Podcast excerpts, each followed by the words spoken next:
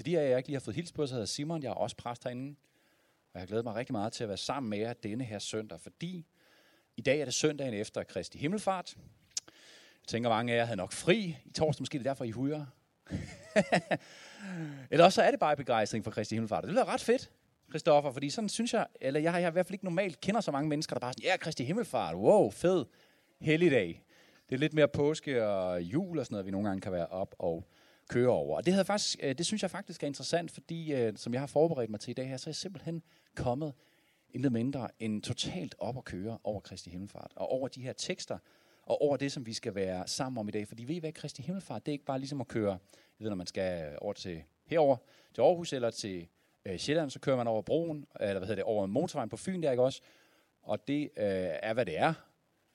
Øh, men sådan er Kristi Himmelfart ikke. Altså, det var det, jeg vil sige. Altså, Kristi Himmelfart er ikke sådan, når man, når man skal fra påske til pinse, og så ligesom sådan, det er ligesom noget, man bare skal over, eller skal igennem, for at kunne komme videre. Sådan er det ikke. Ved I, hvad Kristi Himmelfart er gået op for mig? Det er faktisk en af de aller vigtigste puslespilsbrikker i Guds store historie. I historien om, hvordan Guds rige kommer til den her verden. Fordi i Kristi Himmelfart, der forstår vi essensen og betydningen af det kristne liv, altså af vores liv. Og jeg vil faktisk våge den påstand, at det kun er med Kristi Himmelfart, at vi fuldt ud forstår vores identitet, vores kald og vores autoritet som Guds børn. Og at vi forstår, hvad Guds plan er med os og med den her verden. Og derfor har jeg som sagt virkelig glædet mig til at være sammen med jer om lige præcis det, lige præcis her i dag. Og jeg har også en forventning om, at Guds ånd vil møde os med kraft. Fordi, øhm, det ved ikke, om du sådan har lagt mærke til, eller hvad skal man sige, måske tænkt over, hvis du har været her flere gange, men når vi holder forbereder os til sådan en gudstjeneste her, så handler det ikke bare om information. Vi synger ikke bare sange for at blive klogere på Gud, vi synger faktisk sange for at komme tættere på Gud.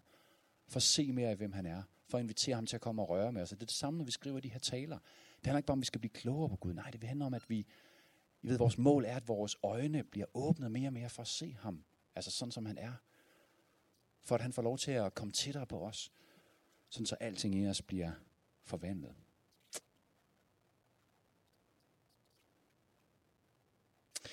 Kristi Himmelfart, det handler om autoritet. Det handler om Jesu autoritet, og det handler om din og min autoritet som hans efterfølgere. Og for at vi sådan rigtig kan forstå det, så skal vi bare lige bruge øh, nogle få minutter på den store historie, på Guds store historie, og, på, og for at forstå ligesom den kontekst, som vi må se Kristi Himmelfart i. Fordi Bibelen fortæller en historie om en Gud, som i kærlighed og længsel efter at kunne give ud af sin kærlighed, skaber universet, skaber jorden, skaber mennesket. Og han skaber alting utrolig godt. Han skaber det lige præcis, sådan som han gerne vil have, det skal være. Og han fryder sig over sit skaberværk. Som kronen på værket, så skaber han os mennesker i sit eget billede, for at vi skal ligne ham, og for at vi skal regere over hele skabningen på hans vegne. Og nogle gange, når vi hører det her med at regere eller herske, det lyder sådan lidt voldsomt. Men det er faktisk det, der står i første Mosebog, som vi skal læse lige om lidt. Men man kan også forstå det på den her måde, at vi har ligesom fået givet, at vi skal tage vare på skabningen. Vi skal være bestyrer. Vi skal være gardner i haven som tager vare på alt det, som Gud har skabt. Prøv en gang at høre, hvad der står i første Mosebog. Det står sådan her. Gud sagde, lad os skabe mennesker i vort billede, så de ligner os. De skal herske over havets fisk, himlens fugle, kvædet, alle de vilde dyr og alle krybdyr, der kryber på jorden. Gud skabte mennesket i sit billede. I Guds billede skabte han det som mand og kvinde, skabte han dem. Og Gud velsignede dem og sagde til dem, bliv frugtbare og talrige. Opfyld jorden og underlæg jer den. Hersk over havets fisk, himlens fugle og alle dyr, der rører sig på jorden. Og når det her ord er brugt her hersk, så er det altså ikke, at vi skal ligesom sådan dominere dem eller undertrykke dem. Nej, så er det, at vi skal sørge for, at de har det godt, ikke også? Så skal vi tage os af skabningen. Det er det, Gud gav os som opgave. Mennesket er det eneste, som Gud skaber i sit eget billede. Han skaber os sådan, så vi ligner ham, og netop derfor så er det os, som får det her mandat, eller den her autoritet til at herske på jorden. Fordi vi er skabt i Guds billede. Ikke også? Og derfor så er det os, som har opgaven at være, man kan også kalde det vise regenter, over hele skabningen. Vi så at sige Guds stedfortrædere her på jorden.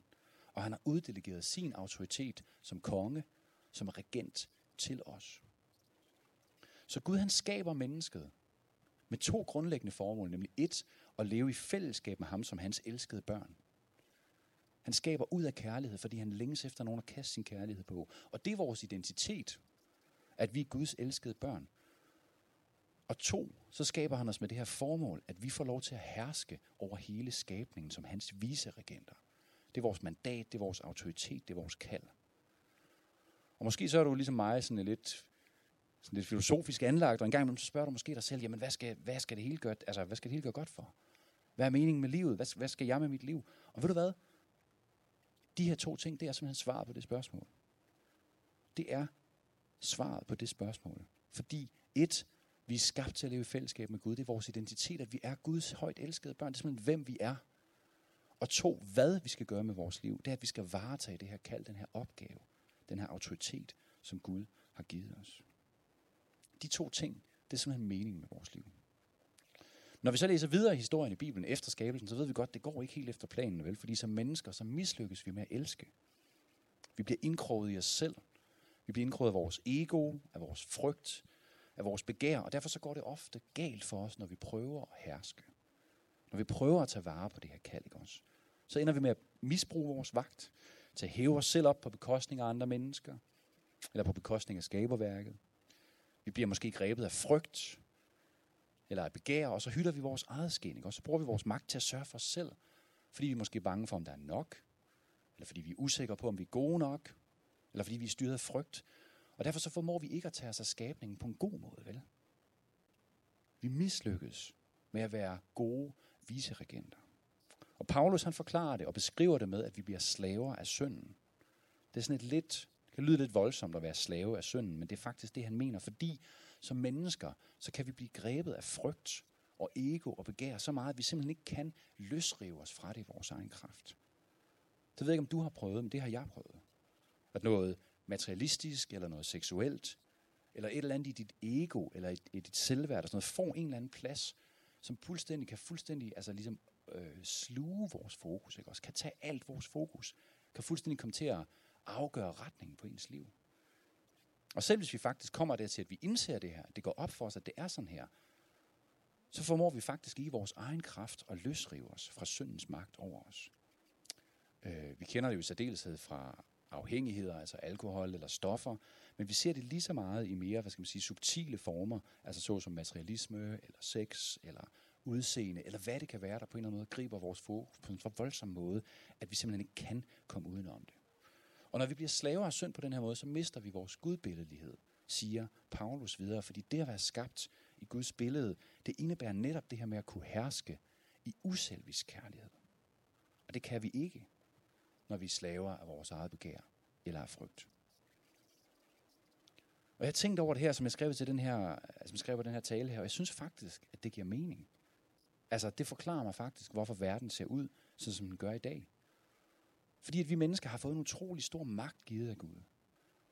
Magt til at tage vare, til at herske og videreskabe på den her verden, sådan så den trives, sådan så den blomstrer, sådan så alle har det godt. Men vi har også magten til at køre den totalt i sænk. Og det her begreb her, slaver og synden, det har også givet en ny mening for mig i den sidste tid, fordi det giver mening ikke også, hvis en konge er slave af noget, så formår han jo ikke at herske på en god måde. Så det er ikke ønsket om uselvisk at tjene sit folk eller sin nation, som driver ham. Nej, så er det noget andet, ikke også? Så er det det, han er slave af, som i sidste ende afgør hans prioriteringer og hans handlinger. Og jeg tror, vi kender alle sammen personligt til, til det, man typisk refererer til, til de tre store slavebindere, nemlig magt og sex og penge. Og det er altså ikke for sjov, at Jesus han formaner os meget direkte om de her ting.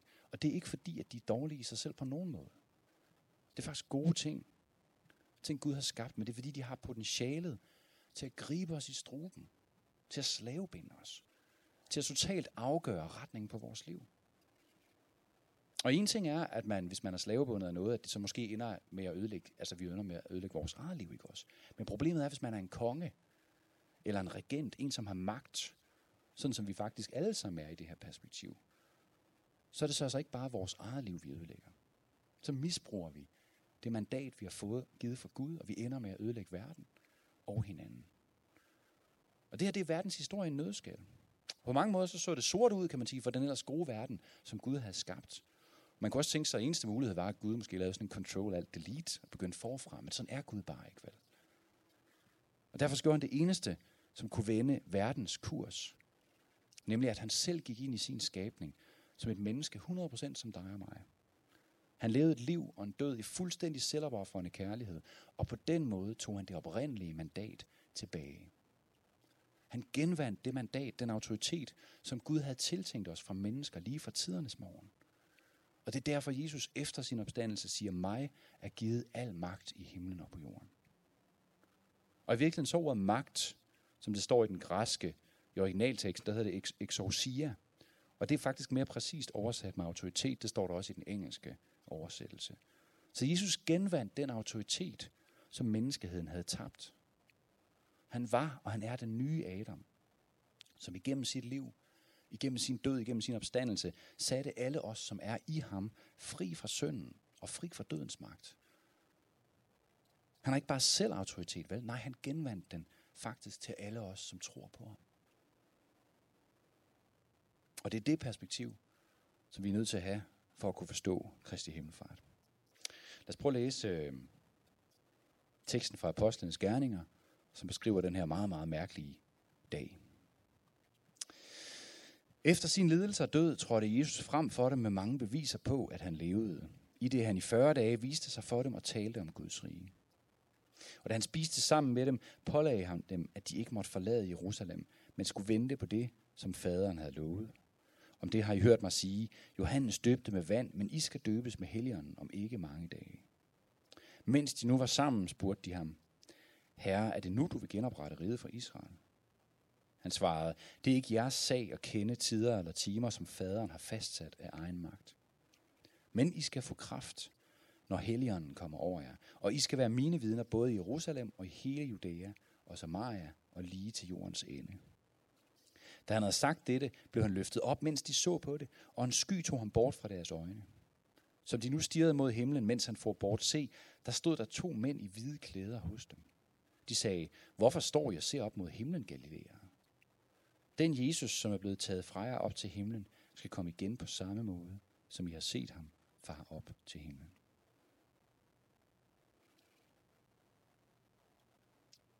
Det er simpelthen en mærkelig historie, det her. Ikke? Og jeg forestiller mig, at for disciplene, der har det simpelthen været en virkelig mærkelig dag. De havde, jeg ved godt, de havde mange mærkelige dage i deres liv. Men altså, den her, den var virkelig mærkelig. Ikke? De har været sammen med Jesus on off i 40 dage, efter han er opstået. Han har undervist dem om Guds rige. Og nu giver han så den her befaling til dem, den her mission, om at gå ud i verden og sprede Guds rige, både med ord og med handlinger. Og så farer han så til himmels. Og jeg tror ikke, de har været klar på det, vel? Altså overhovedet ikke. Det kan vi læse af deres reaktioner. De siger, herre, er det nu, du vil genoprette riget fra Israel? Ikke?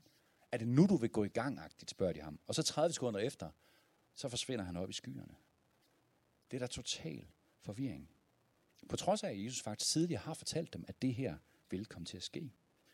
I Johannes 16, der siger han sådan her, men jeg siger jer sandheden. Det er det bedste for jer, at jeg går bort. For går jeg ikke bort, så vil talsmanden ikke komme til jer. Det er Helligånden, han kalder for talsmanden her. Men når jeg går herfra, vil jeg sende ham til jer. Og der er et par ting, vi er nødt til at forstå, for at den her historie giver mening. Fordi det, jeg bare tit spørger mig selv om, det er, Jesus, kunne du ikke bare være blevet?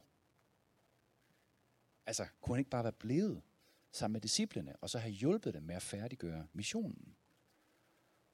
Havde verden ikke set anderledes ud i dag, hvis han havde gjort det? Og vi får nok aldrig helt svar på de her spørgsmål, før vi en dag står ansigt til ansigt med ham på den nye jord. Men den her historie fortæller os alligevel nok. Vi behøver at vide for at kunne forstå, hvad Guds plan er, og hvad vores rolle er i den. Fordi Jesus var kommet til jorden for at bringe Guds rige. Guds rige, det er alle de steder, hvor Guds vilje sker. Han var kommet for at genoprette alt det, som var gået i stykker. Kan man sige, bringe verden tilbage til det, der var Guds oprindelige intention. Og han var også kommet for at genoprette din og min identitet og vores autoritet som Guds børn. Det er meget tydeligt, når vi læser om Jesus i de, alle de fire evangelier. Jesus så sig selv som den messias, som den frelser, som hele det gamle testamente er fyldt med profetier om. Den messias, som skulle komme en dag og sætte alting på plads og bringe en ny tidsalder til Israel og til resten af verden. Jesus' foretrukne måde at omtale sig selv på, det var menneskesønnen, som er en titel, som profeten Daniel bruger om den her messias, som skal komme. Jesus citerede også konstant fra profeten Esajas, som formentlig på Jesus samtidig var den øh, profet, som blev regnet som den største eller den vigtigste, netop fordi Esajas så tydeligt igen og igen profeterer om den nye tidsalder, om Guds rige, om den her nye æra, hvor Gud vil genoprette verden med shalom, altså med fred og retfærdighed og håb og glæde og fest, både i Israel og i resten af verden. Og ved I hvad, i Jesus, der skete det her faktisk. Guds rige er kommet nær, det var hans hovedbudskab. Det gik han rundt over alt og fortalte. Og Guds rige kom ikke bare nær i ham, nej, Guds rige manifesterede sig helt konkret igennem ham til verden. Overalt, hvor Jesus gik, der blev mennesker helbredt for sygdommen. De blev sat i frihed fra dæmoner. De blev inviteret ud af isolationer, ind i fællesskab med Gud og med mennesker. Alt det, som Gud havde skabt den her jord til at være fyldt af, altså fred og glæde og frihed og fællesskab, det blev til virkelighed alle steder, hvor Jesus kom. Og fordi Jesus var og er kongen, ikke også, så skete hans vilje over alt, hvor han gik, hvis man vel og mærke ville tage imod det. Men fordi Jesus også var 100% menneske, så var han også begrænset af tid og rum, ligesom vi er. Han kunne kun være et sted ad gangen.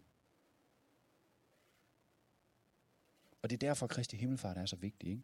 Fordi Jesus tager tilbage til himlen for at sætte sig ved sin faders højre hånd i kontrolrummet.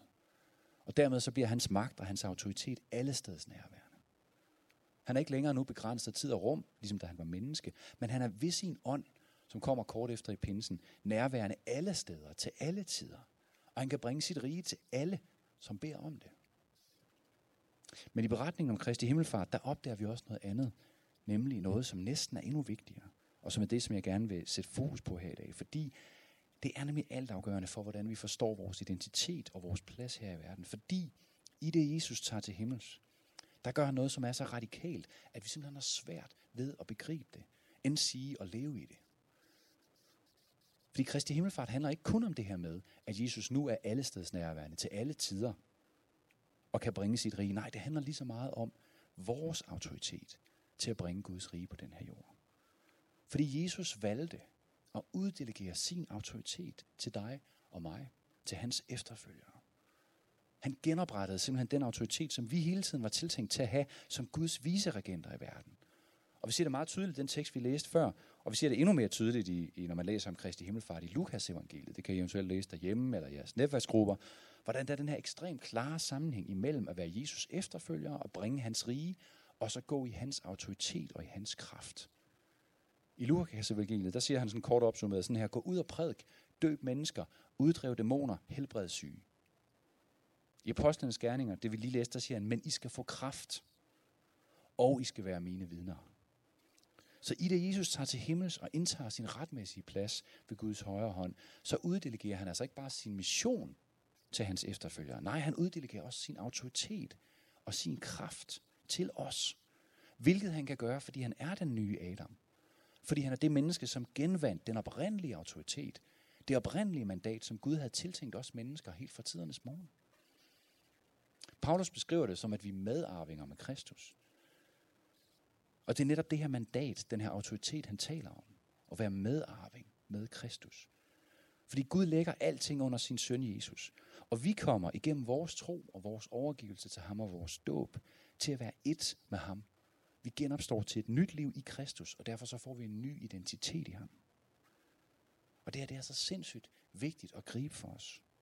Fordi når vi er i Jesus, når vi tror på ham, når vi overgiver os til hans herredømme i vores liv, så får vi ikke bare en ny identitet, men også en ny autoritet.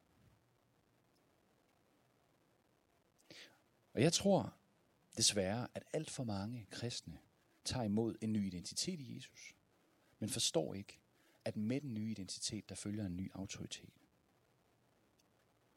Vi tror, at vores autoritet måske afhænger af, hvor gode vi er til at, ligesom at sådan fornemme helligånden.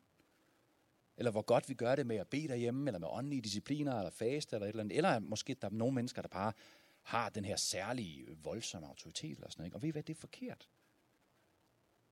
Fordi den autoritet, som Jesus har genvundet til os, autoriteten, til at være Guds viseregenter på jorden og til at bringe hans rige, det har ingenting at gøre med vores anstrengelser. Vi kan faktisk ikke gøre noget for at få mere eller mindre autoritet, fordi den bunder 100% i vores identitet som Guds børn i Kristus.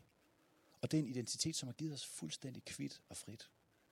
Det er 100% en gave. Det slog mig helt vildt tydeligt sidste gudstjeneste her for en uge siden, da Karoline holdt en virkelig god tale om den fortabte søn. I kender formentlig historien, mange af jer har sikkert hørt den mange gange. Helt kort så er den fortabte søn en historie, som Jesus fortæller, som handler om den her far, som har to sønner. Den yngste søn, han skider på sin far, han kræver sin del af arven udbetalt på forhånd, og han vandærer derigennem faren virkelig dybt, fordi han faktisk siger til ham, du er død for mig. Jeg vil ikke have noget med dig at gøre, jeg tager, og så tager han afsted, og han drikker og horer hele den her arv op. Da der så kommer hungersnød i landet, han ikke har andet at spise end det, som svinene får, så tager han tilbage til sin far, i håbet om, at han måske bare kan blive ansat af faren. Men hvad gør faren? Ja, han løber ham i møde. Han ser ham på lang afstand, løber ud til ham, og han genindsætter ham som sin søn, og han holder en kæmpe fest for ham. Og næsten hver gang vi beskæftiger os med denne historie, så har vi fokus alene på faren og på sønnens relation. Altså den her relation, som faren på grund af hans store kærlighed og noget genopretter, sådan så de nu kan være far og søn igen, ikke også? Men historien har et andet lag, som faktisk er lige så vigtigt, og som handler om autoritet. Fordi i jødisk kultur, på det tidspunkt, da Jesus fortæller den her historie, så handlede et far- og sønforhold ikke bare om deres relation. Det handlede lige så meget om autoritet og om magt. Fordi faren i den her historie, han er overhovedet i familien. Han har en stor gård med massevis af tjenere og medarbejdere, og han er bossen. Men lige efter faren, og i visse tilfælde faktisk på lige fod, der var sønnerne. De var dem, som skulle arve efter faderen. Det var netop lignelsens udgangspunkt, ikke også? At den her fortabte søn kræver sin del af arven på forhånd. De var dem, der skulle føre slægtsgården videre. De var på alle måder stedfortrædere for faderen, både på gården og i lokalmiljøet. Det vil sige, når faren ikke var der, så kunne de handle på vegne af ham. Så havde de mandat, autoritet til at bestemme. Så i jødisk kultur, der var de her to ting, altså den identitet, man havde som søn, og den autoritet, man havde i kraft af relationen til sin far, de var fuldstændig vævet sammen. Det var fuldstændig umuligt at adskille de to ting. Og jeg tror, det er præcis derfor sønnen tænker, lad mig tage hjem til min far. Måske kan jeg være hans daglejer, altså måske kan jeg være ansat ved ham.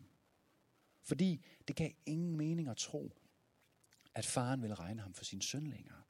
Fordi hvis han gjorde det, så ville der helt automatisk følge den her samme autoritet med. Nogle gange, når jeg læste historien, så har jeg tænkt, jo jo, okay, jeg har opført mig dumt, men altså, må ikke, jeg kan få lov til at være hans søn. Men det er fordi, der er de her to ting på spil samtidig. Og vi ser det på samme måde i faderens modtagelse af sønnen, ikke også? Faren betal, befaler tjenerne med det samme og giver ham nyt tøj på, nyt tøj på, ikke også? Som er et tegn på hans genoprettede identitet. Og hvad mere, han får en ring på, og han får sko på. Og ringens symbolik, synes jeg er meget, meget tydelig, ikke også? Vi kender det fra middelalderen, hvor ringen kunne have, øh, kan man sige, kunne medføre det her mandat. For eksempel, hvis du havde kongens ring på, så ville det betyde, at du havde vegne til, eller du havde man kan sige, magt eller autoritet til at handle på vegne af kongen.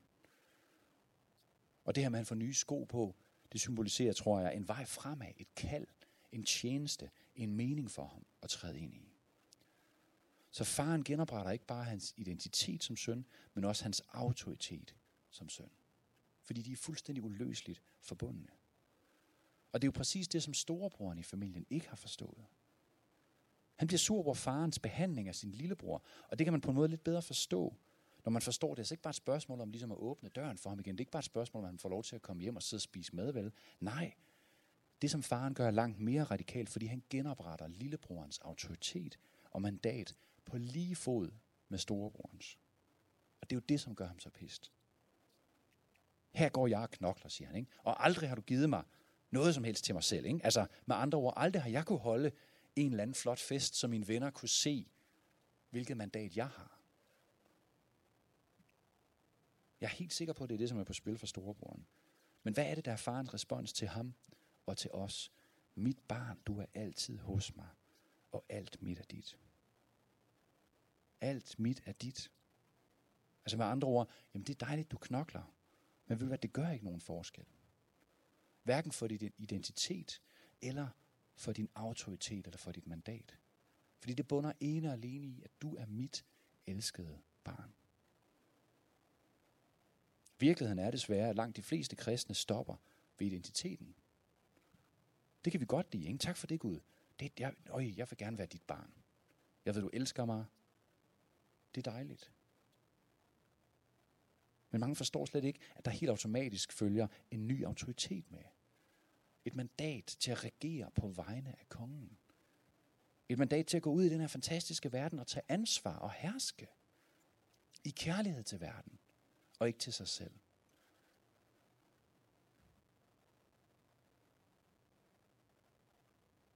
Vi bliver nødt til at spørge os selv, har vi grebet det her? Har vi forstået og erfaret, at vi er Guds højt elskede barn, som han har givet sin autoritet, sit mandat til? Fordi når vi misser det her, så kommer det kristne liv til at handle om at leve op til nogle bestemte moralske krav. Du må ikke gøre det, og ikke gøre det, og ikke gøre det. Og til gengæld så skal du gøre det, og du skal gøre det, og du skal gøre det. Men det er overhovedet ikke Guds hjerte for os. Det er slet ikke det her, det handler om for Gud.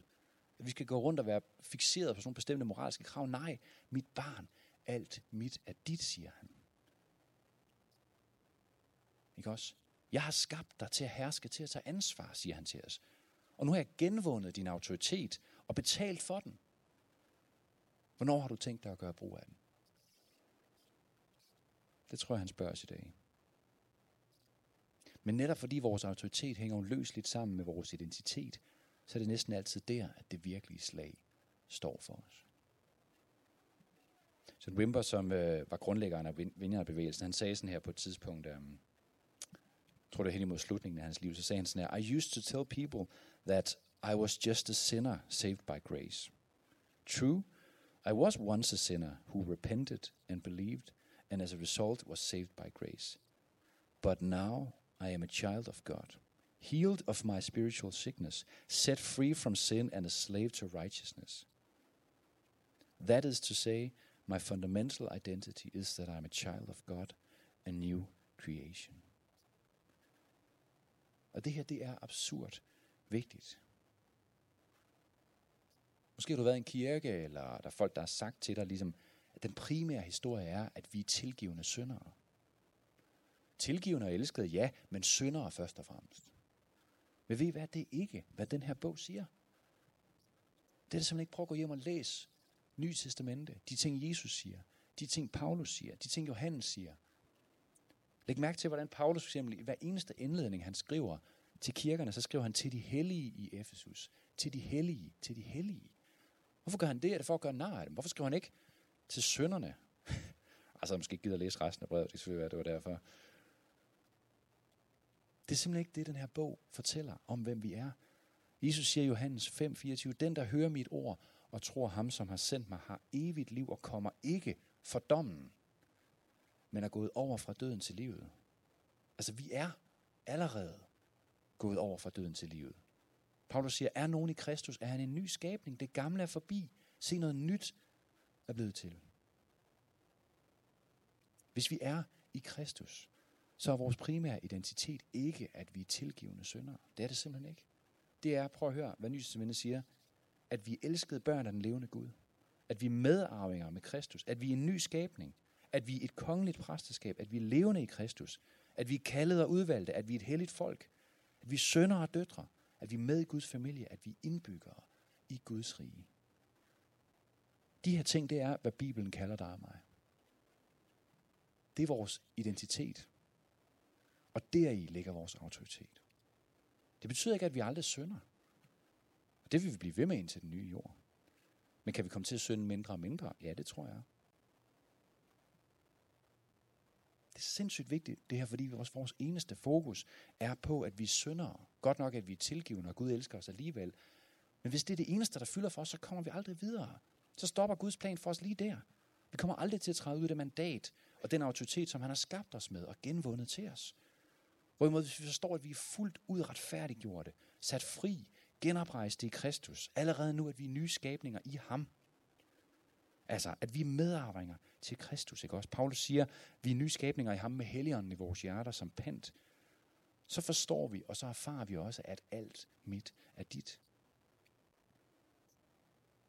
At vi har et kald og en opgave, som ikke er umulig for os. Som ikke er uoverstigelig, fordi den bunder ikke i vores evner eller hvor godt vi lykkes i forhold til moralsk livsstil eller alt muligt andet. Nej, den bunder i vores autoritet, som igen hviler 100% på vores identitet, som hviler 100% på det, Gud har gjort for os. Altså han har gjort alt arbejde, der skulle gøres for at genvinde din autoritet og autoritet som kongebarn. Hebræerbrevet i forfatteren, da han går så langt som til at sige, at vi er allerede nu genindsat ved ham, ved Gud Faders højre hånd. Altså det, der faktisk sker her på Kristi Himmelfart. Det er fuldstændig vildt, ikke? Vores autoritet, vores mandat som Jesu efterfølger, det ligger ikke i, hvor godt vi klarer det. Det gør det simpelthen ikke. Det ligger alene i vores identitet i ham. Men jeg er helt sikker på, at jo mere rodfæstet vi bliver i den identitet, jo mere vil vi så komme til at træde ud i vores autoritet. Det er derfor, de åndelige discipliner er vigtige. Det er derfor, at vi igen og igen og igen rejser hjem til vores far, når vi har forvildet os væk. Fordi det er kun sammen med ham, at vi bliver mere og mere bekræftet i vores identitet i os. Det er kun, når vi bruger tid sammen med ham i stillhed, i bøn, at vi mærker hans hjerte, som banker for os. Det er kun, når vi læser i Bibelen eller mediterer, at vi hører hans stemme, som visker stille, kærlige ord til os. Jeg tror, at rigtig mange af os, jeg har i hvert fald, har oplevet, at slaget står om vores identitet. Det er simpelthen satans måde at arbejde på. Vi kan læse om det i Bibelen, i hvordan han frister Jesus i ørkenen og masser af andre steder.